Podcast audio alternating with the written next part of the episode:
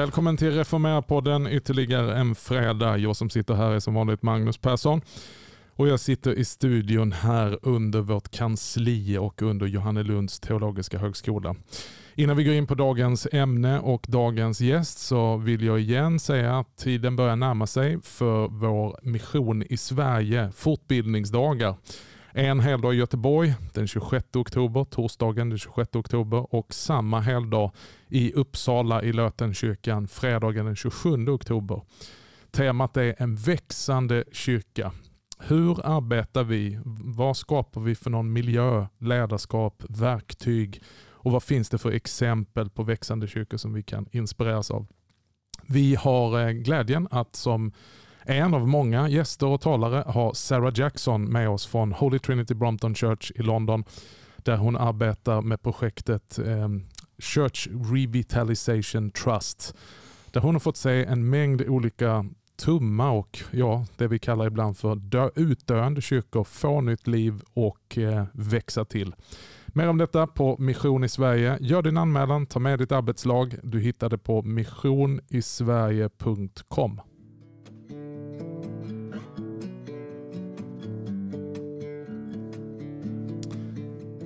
I dagens podd så har jag glädjen att ha här i studion en god vän, en eh, ämbetsbroder och prästkollega. Välkommen Daniel. Tack så mycket. Ditt fulla namn Daniel? Mitt fulla namn är Daniel Kjellander. Kjellander. Jag bara tappade det här helt plötsligt. Min gode vän som jag inte kan efternamnet. Jo, det kan jag ju. Daniel, eh, det är väldigt kul att ha med dig här i studion och vi ska samtala lite grann. Eh, men innan vi kommer in på dagens ämne, eh, berätta lite om dig själv. Vem är Daniel Kjellander? Jag är en kille som är uppvuxen i Uppsala men adopterad från Indien. Kom till Sverige när jag var tio månader till en fantastisk familj.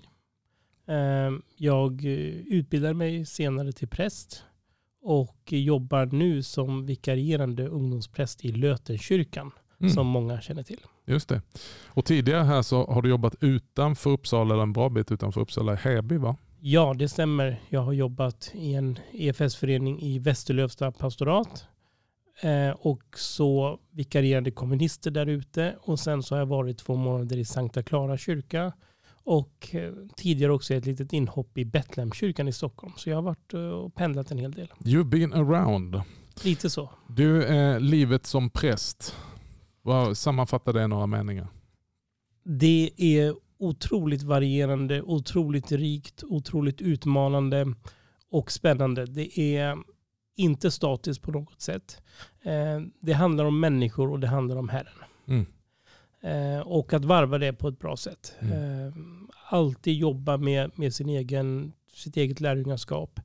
För jag följer Jesus, jag är en lärjunge till Jesus. Mm. Och att sen får det påverka och eh, vara någonting som kan uppmuntra och hjälpa andra människor. Vi ska ju tala idag lite grann när vi kommer in på dagens ämne om att möta människor. Det gör man ju som präst. Eh, bara i tjänsten. Du möter människor i glädjen över att ha fått ett nyfött barn i dopet. Mm. När man har dopsamtal och sen själva dopgudstjänsten. Du möter sorgehus i ibland bottenlös sorg och många frågetecken. Precis. Eh, vid eh, människor som har gått vidare ifrån det här jordiska livet. Eh, konfirmander, eh, folk i gudstjänsten. Mm. Eh, jag vet att du, är, du älskar det här med att möta människor Daniel. Men har du någonting som du säger att det här är det här är, det är svår, svår fråga säger jag direkt. Men alltså det här är min favoritdel av prästtjänsten. Eh, det, det, är många olika delar men, men en sak som jag faktiskt har uppskattat väldigt mycket det är att ha begravningar. Mm och möta sorgehus. Mm. Och det har visat sig att jag har funkat väldigt bra i den uppgiften. Mm. Eh, som EFS-präst så har man i regel inte jättemånga begravningar i föreningarna. Men jag har ju verkat på ett speciellt sätt väldigt mycket i Svenska kyrkan mm. och fått ha många förrättningar. Och jag har kvar kontakter, änkor och änkemän eh, i mitt hjärta och regelbunden kontakt med dem vars anhöriga jag har då begravt. Mm. Du Daniel, eh, jag har ju, vi har inte känt varandra så länge, vi har känt till varandra länge, men jag har fått lära känna lite bättre de senaste åren. Och jag uppskattar med Daniel, det, det är mycket, men eh, det är också att du inkarnerar något av det jag brinner för, någon form av helkyrklighet. Att det är väldigt svårt att sätta det i en box. Det är tydligt var du hör hemma. Du är präst, vigd i Svenska kyrkan med tjänst i EFS. Men du lyckas i det också ta till dig rikedomen från hela kyrkans bredd med eh, en sakramental inställning, liturgiskt medveten, du predikar ett fulltonigt evangelium, du tar intryck från många goda teologer eh, och det vi ska landa i, du är en man som man med viss avundsjuka kan titta på har otroligt lätt för att tala med helt nya människor om evangeliet om Jesus Kristus. Ja, det är sant och det är väldigt konstigt egentligen för min bakgrund är ju den att jag var uppvuxen här i Uppsala och hela min, mina, alla mina skolor påverkades av att jag var mobbad. Mm. Så det är det jag har tagit med mig från, från barndomen och skolan. Skolan var inget kul för mig. Mm. Och jag hade inget socialt nätverk egentligen på den tiden. Utan det var en nåd om jag kunde vara ute och leka med någon. Alltså det, det uppmärksammades om jag var ute och lekte med någon. Pappa kunde säga till mamma idag är Daniel ute och leker med någon, annars var jag bara hemma efter skolan. Det, det, är väldigt svårt, för en som inte kände dig på den tiden är det jättesvårt att tänka sig det. Mm. För idag är det väl tvärtom att ditt sociala nätverk, det går väl inte, alltså det, det kan finnas få människor som har större socialt nätverk än ja, dig. Det vet jag inte, men, men, jag har väldigt mycket folk runt omkring mig. Men, men det ligger ju en fara i det också, att om man har väldigt mycket kontakter, vilka är då är nära? Vilka kan jag vända mig när det verkligen bränner till? Ja, just det. Men du, eh, för att bygga vidare på det, någonting måste ju ha hänt i ditt liv om du var mm vad ska man säga, folkskygg höll jag på att säga, mm. men om, du, om du, du har med dig ett bagage av mobbing mm. eh, och inte hade det här liksom sociala kontakten med folk med. Någonting har hänt. Vi är alla skapade av Gud. Och jag tror att Guds ursprungstanke med mig var att vara en, en social människa som levde med och nära andra människor. I kärlek till andra människor, empati för andra människor. När jag sen har den här bakgrunden då med mobbning från första klass i gymnasiet så är det såklart någonting som har hänt. Och det som har hänt är alltså Jesus Kristus. Herren kom in i mitt liv. Mm. Där i övergången mellan högstadiet och gymnasiet. Och drabbade mig konkret. Mm. Och jag upplevde att Herren talade till mig. Det är ytterst sällan jag är med om att jag får något slags budskap eller någon, ett ord så tydligt. Men då fick jag det. Mm. Och då sa Herren till mig, vill du vara ett offer hela ditt liv nu eller vill du sträcka på dig. Jag kallar det att sträcka på dig mm. och eh, följa mig. Mm. Och eh, sen jag blev en kristen så den där blygheten, den där um, oviljan, rädslan att närma mig andra människor, den, den försvann på ett mm. ögonblick. Var det en upprättelse och ett helande av dig som människa? Ett inre helande? På ett sätt. Mm. Jag blev ju ett, ett Guds barn. Jag fick ju mm. lära känna Jesus Kristus. Ehm, jag kom in i kyrkans hägn. Mm. Eh, på det sättet ett helande. Men, men, när man har blivit förorättad och utsatt så lång tid som jag blev mm. så, så blir man inte klar med det Nej. snabbt. Utan jag bär spår av det idag. Mm. Mm. Du, eh, när vi talar om dagens tema som är mission då, mm. och eh, i lite ljuset av det här en växande kyrka. Eh, det finns ju mycket olika samtal om mission från olika perspektiv. Men mission finns med i vår kyrkoordning, i vår kyrka, som en av kyrkans grundläggande uppgifter. Det stämmer. Mission eh, kan man inte komma undan om man läser Nya Testamentet. Jesu missionsbefallning, gå därför ut, gör alla mm. folk till lärjungar. Mm. Han sänder dem ut. Det finns eh, samma missionsbefallning i olika varianter eh, utifrån hur de olika evangelisterna beskriver det och sen har vi apostlärningarna och på ett sätt så lever vi fortfarande i apostlärningarna i fortsättningen av apostlärningarnas tid. Kyrkans tid. Mm. Eh, men samtidigt kan ju detta ge så mycket upphov, märker vi hos många, inte minst i kyrkan, av någon form av kramp. Mm. Eh, och hur ska vi bära oss åt? Men när man sitter med dig Daniel, så eh, ser man antingen kommer det förbi någon som du känner, eller någon som du helt plötsligt råkar in i samtal med. Och du har alltid nya berättelser. Det är inte så att du har någon gammal favoritberättelse som du jämt berättar, utan alltid nya berättelser. Hur du har mött någon på ett tåg, på en restaurang, på ett café, på en busshållplats och få tala med dem om evangelium. Mm. Är det bara en unik gåva som du har eller är, finns det någonting som du kan förmedla och liksom peppa för mission? Definitivt så tror jag att det är någonting mer än en unik gåva. Mm. Jag tror att man också behöver fundera kring ens egna roll i kyrkans arbete. Mm. Kyrkans arbete utåt så att säga. För mig är det väldigt viktigt att det börjar med oss. Mm. Det börjar hos mig. Vad innebär det att vara en Jesu lärjunge? Vad innebär det att vara en kristen? Hur ser kyrkan ut? Och vi vet att många kyrkbänkar ekar tomma. Vi vet att många inne i kyrkan längtar efter förnyelse, fördjupning. Ehm, det är få ställen tyvärr som har regelbundna bibelstudier. Jag jobbar i Lötenkyrkan, här har vi det. Vilket jag är oerhört tacksam för. Men väldigt många församlingar där jag har jobbat har inte det. Nej. Och då blir den växtplats som man har, söndagsgudstjänsten eller söndagsmässan, den blir inte tillräcklig. Ja, just det. Eh, och hemgrupper kan det se ut på lite olika sätt. Mm. Så att eh, för mig har det varit att hela tiden få eh, näring från Guds ord. Mm. Inte att jag sitter och läser på min kammare enbart utan också från andra. Och, och, när man utsätts för Guds ord och är öppen för Guds ord så, så gör det någonting med dig. När man, när man stilla lyssnar på lärjungavis. Um, men det här med att ja, jag tror att jag har något att förmedla så att det inte blir att jag är jätteduktig och du kanske inte förmår göra det på mitt sätt. För det första tror jag inte att någon ska göra det på mitt sätt. Mm. Jag tror inte jag ska göra det på ditt sätt.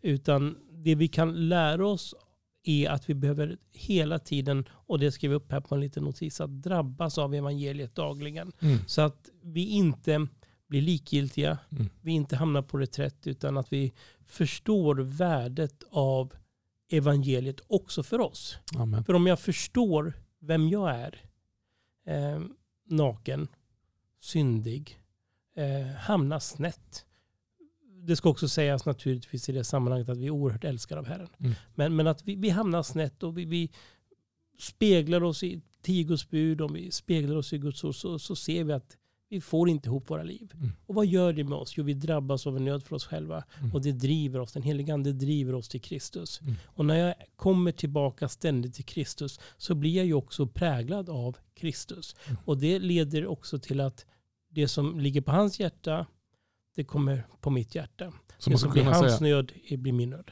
Sammanfattningsvis kan man säga att grunden för det här livet i mission som du kallar frontmission, mm. som du ska få berätta om sen, det börjar inte på gatan, inte på busshållplatsen, inte hos grannen, utan det börjar med att, som Jesus säger, vad hjärtat är fullt av talar munnen. Precis, absolut. Så det är egentligen där vi har ett problem med våra kyrkor och i våra egna liv. Mm. Att när munnen börjar bli full av allt annat mm. så visar det sig att det är antagligen det som hjärtat är fullt av.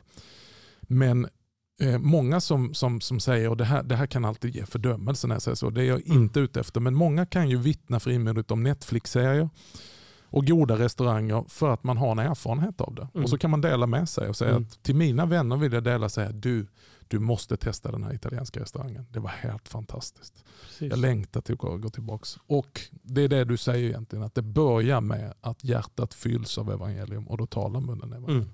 Och, och, jag tänker att det är både på kollektiv nivå som kyrka och det är också på individnivå.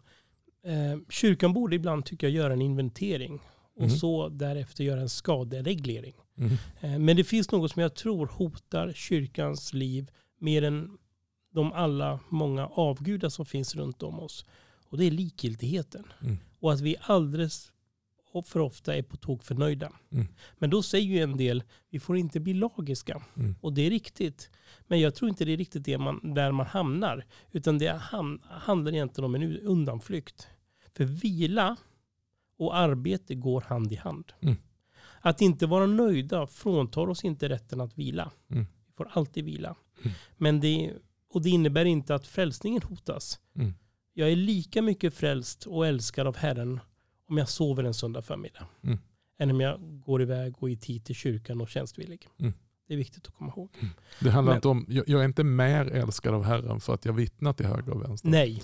Utan snarare är det när jag är rotad i hur älskad jag är av Herren. Det är kanske då. Då genererar det att du faktiskt går ut. Mm. På ditt sätt. Det är viktigt att säga. Ja. Så man kan säga att låt inåt växa så leder det utåt. Just det. Eh, Daniel, jag har suttit en mängd olika tillfällen med dig över en kopp kaffe, eller en lunch eller en middag och fascinerats över dina berättelser. Och Det här är ju inte för att bara hylla dig nu, men det är för att inspireras av ditt föredöme. Och som du är duktig på att under, understryka så är vi alla olika har olika personligheter och olika gåvor. Men det jag är ute efter det är liksom själva kärnan i det här. Hur, hur börjar detta för dig? Det handlar om en nyfikenhet Mm. på andra människor. Mm. På andra människors livsberättelser. På andra människors eh, olikheter. Mm. Eh, jag är på mitt sätt med mina för och nackdelar. Och jag möter en annan människa och jag kommer alltid in i sådana samtal med tanken vad kan jag lära mig av dig? Mm. Vad kan jag lära mig av det här mötet?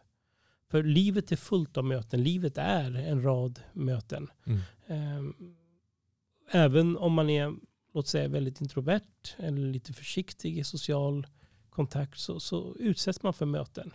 Och då handlar det om att göra det så bra som möjligt. Mm. Så jag skulle säga att det börjar med nyfikenhet och att jag fick grundläggande och tidigt lära mig att evangeliet, den här fantastiska gåvan vi har fått till oss, den är inte bara till för oss själva att Mm. bevara i hjärtat, utan det, det, det finns ett utflöde, ett Mm. nödvändigt utflöde Mm. för människors salighets skull. Och visst är det så att evangeliet hela tiden söker en mottagare? Ja, Att det, det är någonting i evangeliets natur som hela tiden är på väg ut på gatan, Precis. ut till andra sidan Precis. vägen. det står ju i Bibeln att evangeliet är en Guds kraft Mm. som frälser var och en som tror. Så det är ingen, ingen, i, inget, id- en idé som är stiltje, som står stilla och som bara är ett paket som jag kan bara ta och anamma, utan det, det är rörelse, dynamik. Mm. Sen är det många, många delar längtan, men det blir också en frustration och en kamp. Hur ska jag börja? Jag, jag, vi träffades på i ett sammanhang eh, där du stod och pratade och jag bara stod och iakttog dig. För det är fascinerande. Du nämnde eh, kort här i introduktionen dig själv att du är själv adopterad från Indien. Och du såg en annan person med, med, med liksom rötter i Indien. Och direkt så såg jag bara det. Jag såg hur du liksom, dina ögon följde och sen sträckte du ut handen och så sa du någonting som jag inte hörde och så sa lagar du indisk mat? Och så direkt hade ni ett samtal igång. Precis. Och det, det är ju ungefär så jag brukar operera. Att man möter människor och så visar man sig nyfiken och så observerar man någonting. Mm. Och så börjar man där. Mm. Eh, Jag är intresserad av människor, jag är inte intresserad av att, att slänga en bibel i huvudet på folk. Precis. Jag har gjort det vid ett tillfälle och då var det befogat. Men, Rent fysiskt. ja, rent fysiskt faktiskt. Det var en pe- pedagogisk poäng som Herren ville att jag skulle dra. Och det landade väldigt väl kan jag säga. Men annars har jag Don't aldrig gjort det. Don't try this at Nej, det home. behöver man inte göra. Eh, Men jag skulle säga att det, man, man, man får se vad man observerar och sen så kan man alltid ställa frågor. Mm, Jag har gått från att berätta om till att börja med frågor. just det. Någon har sagt så här att en riktigt intressant människa är den som faktiskt är intresserad av dig. Mm. Det är ju någonstans att, att vi, vi värdesätter människor som visar ett genuint intresse för oss. Och ja, precis. Och i Sverige är det väldigt tacksamt. Man, man blir förvånad när man hälsar på folk och visar sig intresserad, för folk är inte vana vid det. Men, men beskriv, utan att nämna specifika personer eller Mm. kanske tillfällen, men kan du inte beskriva hur, hur det här som du, du, du brukar skicka till mig, så här, front mission eller Mm. frontmission. Hur går det till? Alltså man, kan, man kan beskriva, det var jag och en, en bekant, en kyrkoherde i Göteborg som, som myntade begreppet frontmission. Ehm, och det kan definieras på olika sätt, men att man vågar gå ut på okända marker. Ehm, man, man är lite obekväm. Mm. Och istället för att vänta att folk pratar med dig eller ställer frågor om din kristna tro efter tio år på en arbetsplats så, så berättar du om att du är en kristen. Mm. Inte mer, inte mindre kanske. Mm. Eh, och sen kanske det följer ett nästa steg. Mm. Eh, men jag skulle säga att min definition också, om man ska ha en annan definition, det är att man socialiserar med en tydlig identitetsmarkör. Mm. Jag är en kristen. Mm. Ehm, och man blir förvånad över att när man tar det första steget och liksom offentliggör vem man är, så finns det folk där på din arbetsplats eller på din skola eller där du uppehåller dig som blir lite provocerade, lite nyfikna och lite undrande. Och när ni sitter själva i fikarummet så kan det komma frågor som man kanske inte tar i den stora samlingen. Men jag har fått frågor från folk enskilt. Tror du att det finns ett hopp mm. efter döden till exempel? Mm. Tror du på allvar på Jesus Daniel? Mm. Och du kan bekräfta det som möter människor från vitt skilda eh, vad ska vi kalla det för samhällsklasser med olika erfarenheter i olika mm. ålder. Att du möter ett intresse för de existentiella frågorna. Absolut. Mm. Men eh, de upplever nog många att det, det, inte finns någon att prata med. Mm. För de här människorna, många av de här människorna sätter inte sin fot i kyrkan. Mm. Annat än möjligen vid eh, kyrkliga förrättningar. Mm. Eh, så, att, så att jag skulle säga att det finns en andlig hunger. Mm. Det finns en nyfikenhet. Men man vet inte riktigt vad, vad man ska ta vägen med den. Den behöver liksom, vi präster, lekmän i kyrkan, kyrkans folk behöver hjälpa människor att hitta till kyrkan mm. och hitta till en levande tro. Mm. Och vi behöver kanske också hjälpa varandra att hitta ut ur kyrkan, ut på ja, gator och gränder. Som Jesus sände ut sina lärjungar. Du, jag tänker på, på, på dig, för då, då, då hör jag och känner själv då liksom hur man avfärdar sig. Men Daniel har en unik personlighet, han är sammansatt på det här sättet, han är orädd och så vidare. Och därför är det rätt intressant att höra din bakgrund. Mm. Men det är ju också så att Gud är verksam, nu får du rätta mig om jag har fel, men jag har hört så många olika historier, men hur du kan liksom nästan så här lite av impuls från Herren söka dig till en plats. Jag vet att du eh, gick in på en krog med prästkrage, eh, tittade omkring och såg en person som satt ensam vid ett bord. Vi behöver inte nämna vem och vad och namn. Eh, och få någon sorts ingivelse att du ska sätta dig ner. Mm. Eh, hur kan det, berätta. Um, det, det, det sker på ett naturligt sätt att man tänker på att man är kristen var man än är. Mm. Och um, är du intresserad av människor så kan du, tror jag, öva dig på att kliva över din bekvämlighetszon. Mm. Um, sen kan jag också sitta bredvid någon person och tänka, ska jag prata med den här personen? Nej, den här personen vill lämnas i fred. Det är väldigt tydligt. Mm. Um, men, men får man en Herrens ingivelse, om Herren talar, mm. då ska vi handla mm. på det. Och den kan då gestalta sig att du egentligen bara observerar att det här ser ut som en ensam människa eller någon som sitter med funderingar eller längtar efter att tala och du, du prövar dig fram där. Helt ja, men lite grann. Mm. Eh, ett, ett tillfälle när jag satt på ett tåg så, så satt en äldre kvinna bredvid mig. Och eh, jag hade en, en god vän mitt emot mig. Vi åkte tåg från Stockholm till Uppsala. Och, och vi var i samtal. Och sen så började jag tänka på den här äldre kvinnan bredvid mig. Mm. Och jag kunde inte släppa henne mm. medan jag pratade med min vän. Och då var det ju någonting som, som var på mig. Va? Och eh, då tänkte jag, hur ska jag inleda detta utan att det blir konstigt? Så jag frågade henne, vad är det, ursäkta, vad är det för bok du läser? För, för jag är också intresserad av litteratur. Och så började vi prata. Och detta var 2018. Och idag är hon en kär vän till vår familj och är med på mina barns dop och så vidare. Ja, fantastiskt. Och det var en random person som hamnade bredvid dig Ja, ja. och då pratade vi hela vägen till Uppsala. För detta var i början när vi hade mm. precis åkt ut från Stockholm central. Så kommer vi fram till, till Uppsala central och jag tänker det här var ju så trevligt. Där vill jag, här skulle det kunna bli en fortsättning. To be continued. Mm. Så jag säger detta och det är ju ett socialt övertramp egentligen i Sverige. Men du, det här var så trevligt. Skulle inte vi kunna ses igen över en kopp kaffe? Mm. Och då säger hon, varför inte? Självklart. Mm. Och jag tänker att även om det här är väldigt utmanande för mig som sitter här och, och, och, är vän med dig Daniel, så tänker jag också att för många av våra lyssnare att oh, nej, men det här är too much. Så tänker jag att vi behöver eh, pröva vad som händer. För jag tror att vi har en förutfattad mening att nej, men det är ingen som är intresserad. Folk tycker, kommer tycka att jag är konstig. Precis. Men mycket när vi följer Jesus genom evangelierna är just detta samtal där han uppsöker Levi mm. som var tullindrivare mm. och ser honom Mm. Och bara det här att bli sedd. Jag tänker när Filippos tar med Natanael till Jesus. Så innan Natanael har sagt ett ljud mm. så säger Jesus någonting till honom och visar mm. att han är sedd. Jag såg det redan när du satt under mm. fikonträdet. Mm. Så det här att bli sedd, så mycket handlar väl om att också inte vara så upptagen av sig själv utan att faktiskt observera sin omgivning. Mm. Nej, men alla människor har ju ryggsäckar. Alla mm. människor bär ju på det som gläder dem och det som man är tacksam för. Men också ett bagage av mm.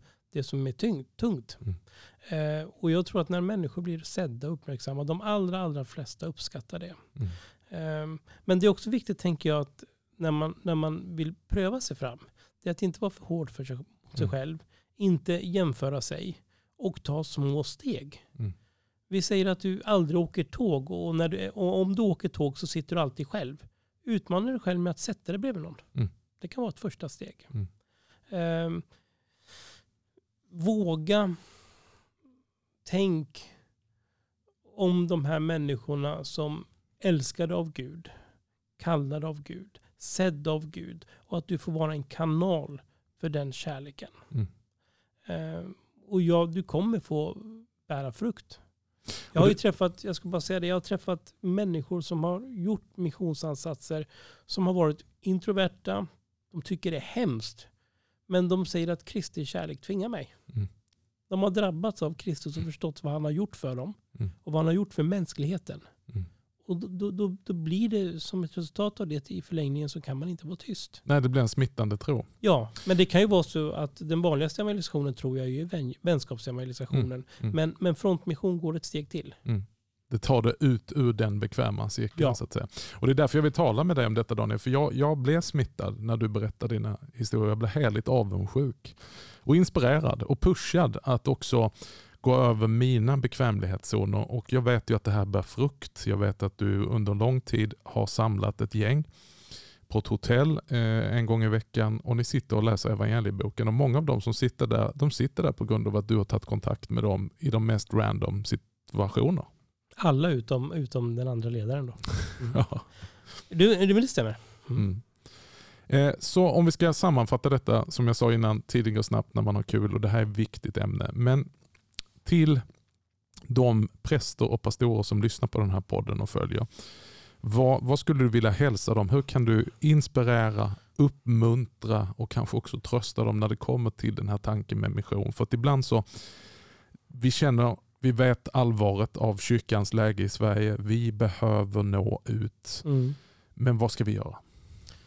Eh, vi ska tänka att vi kan göra mer. Mm. Och att vi kan komma längre. Och vi behöver inspirera varandra.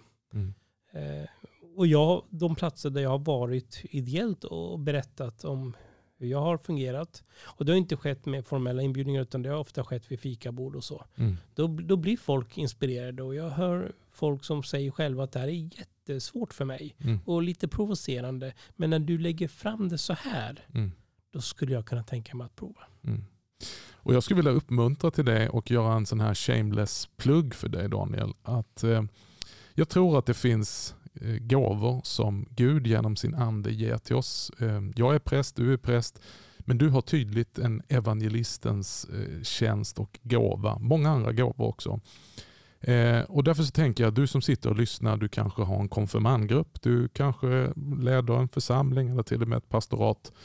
Jag skulle vilja utmana dig att säga att om du är nyfiken på detta, bjud in Daniel så att han får inspirera om mission. För att det är frön som jag tror kommer till att gro och bära frukt. Mm. Och du finns tillgänglig Daniel?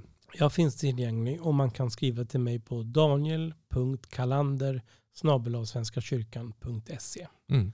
Eh, sen ska jag också säga att ibland får jag ju höra det här att ja, men du är så duktig på det, vad, vad kan du förmedla till oss vanliga? Mm.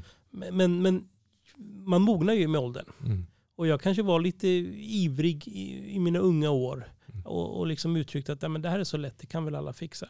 Där är jag inte idag. Utan jag förstår att detta är väldigt svårt för människor. Och jag kan också trösta människor med att säga att de senaste fyra veckorna så har jag inte missionerat någonting. Mm. För jag har fått en en son. Mm. Och han har kolik så det är fullt, all ledig tid går åt till att vara hemma med familjen. Mm. Eh, så det är lite ovanligt för mig att inte eh, vara standby i mission. Eh, men, Nej, jag, men jag, jag, förstår, för jag har också mina stunder och dagar, det ska jag säga. Då jag känner att nu vill jag gå, behöver jag gå fram till den här personen, men så gör jag inte det. Mm. Men det, det, är det som ger dig trovärdighet Daniel, det är därför jag vill tala med dig om detta. För du är ingen supermänniska. Ingen är det. Eh, och du är, du, du är öppen med det och eh, jag tycker om det. Mm. Jag, jag, ska bara, det låter som att jag bara smörar för det här nu, men, men något som berörde mig djupt det var en konferens, kan inte säga var, när, där både du och jag var. Och eh, du skulle på ett eller annat sätt vara med på söndagsgudstjänsten och vi står och förbereder oss och alla är på plats men inte Daniel. Jag säger inte detta för att nedvärdera utan för att lyfta. När du väl kommer och det finns väl en viss vad, vad är du? Visste du inte att du skulle samlas? Så tar du mig åt sidan och så berättar du vad du gjorde kvällen innan. Och Det är det hjärtat jag är ute efter mer än metoderna. Jag är så berörd av det hjärtat mm. när jag tänkte på vad jag gjorde den kvällen. Jag satt på mitt hotellrum tillsammans med min fru och bara skulle sova för att det var mycket konferensmöten. Du berättar för mig att eh, ni satt ett gäng som hade varit på konferensen och Någonstans i dig så kommer någon sorts rastlöshet som jag tror är given av den helige Ande och som ditt bultande hjärta säger att ja, men jag kan inte bara sitta här med, vi har ju suttit en hel dag ihop på konferens. Och helt plötsligt så sitter du någon annanstans. Jag var ju inte med så att jag berättade bara lite så här fluffigt. Och delar evangeliet med nya människor. Och när du då kommer för sent till den här söndag förmiddag där jag dessutom ska predika, så tar du mig åt sidan och så säger du på fjärde raden kommer de till att sitta mm. som jag har träffat igår kväll. Se till nu att de får evangelium. Mm. Jag älskar det och blir provocerad av detta. Mm. Det var en nattklubbskällare jag hamnade på ja. tillsammans med min broder. Och sen hamnade en del av de här människorna på tredje eller fjärde raden på vår konferens. Precis. Det är, och, det jag tycker om Daniel, det är ditt hjärta, att det hela tiden löper ut till andra människor. Det gör du inte bara till främmande människor. Jag, kan jag har ju känt flera gånger hur ditt hjärta löper ut till mig. Du, du är omhändertagande, du är omsorgsfylld, du ser människan. Kärleken överskyler många synder. Mm. Jag har fått mycket förlåtet. Jag är bristfällig på så många sätt och ständigt eh, i lärande. Och det du har fått fritt för intet, det ger du vidare fritt och för intet. Ja. Du, det har varit inspirerande att tala med dig Daniel. Jag tror att eh, pulsen för mission har ökat bland alla våra lyssnare och säkert också har någon blivit provocerad men förhoppningsvis också inspirerad. Uppmuntra gärna till det, att ni som vill stärka missionsinsatsen, eh, ni kan göra två saker väldigt konkret. Ni kan logga in på missionisverige.com titta på våra fortbildningsdagar som vänder sig till präster, diakoner, pedagoger, hela arbetslaget och inte minst de ideella medarbetarna. Anmäl dem, kom antingen till Göteborg den 26 oktober eller till Lötenkyrkan där Daniel nu är vikarierande präst. Eh, på fredagen. Eh, vi har besök av Sarah Jackson från den kända Alfa-församlingen Holy Trinity Brompton och många andra svenska medverkande. Det andra du kan göra är att du kan kontakta Daniel och eh, han kan eh, komma och ge inspiration och berätta mycket mer berättelser än vad han hunnit med här nu på 35 minuter.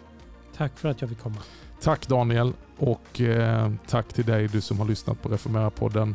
Ytterligare en fredag. Jag önskar dig trevlig helg och Guds rika välsignelse.